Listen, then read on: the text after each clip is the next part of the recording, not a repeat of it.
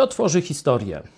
Być może historia dla ciebie była nudną lekcją o jakichś bohaterach, ludziach, i myślałeś, że kiedy opowiada się o jakichś wielkich bohaterach, to są jacyś inni ludzie niż ty. Ty jesteś taki zwykły, normalny, a to są ci bohaterowie historii.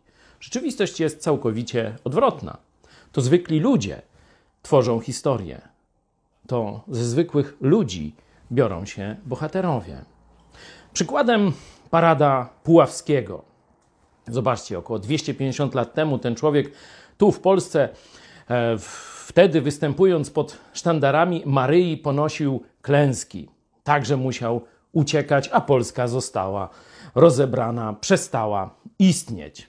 Tam, w Stanach Zjednoczonych, odniósł takie sukcesy, że do dzisiaj Polacy z całych Stanów Zjednoczonych zbierają się właśnie w Nowym Jorku, właśnie dzisiaj na paradę jego imienia. Parada Pułaskiego, jedno z najbardziej znanych wydarzeń, jeśli chodzi o rolę Polaków w Stanach Zjednoczonych.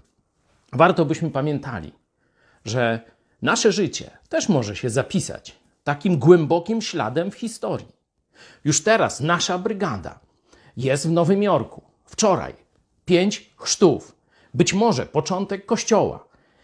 Tworzą historię. Nie wiemy, jak ta historia się potoczy, ale wiemy, że już się rozpoczęła. I możemy się modlić i przyłączać do tego, żeby rzeczywiście był to wspaniały nowy rozdział w historii Polonii amerykańskiej. Ale to o innych, a teraz o tobie. Jaką historię ty tworzysz? Jak ty się zapiszesz na kartach historii? Bo Bóg wszystko wie. Możesz sobie zobaczyć w 20 rozdziale Apokalipsy. W księgach wszystko będzie zapisane. Jaką historię napisze Twoje życie? W której księdze się znajdziesz? W księdze śmierci czy w księdze życia?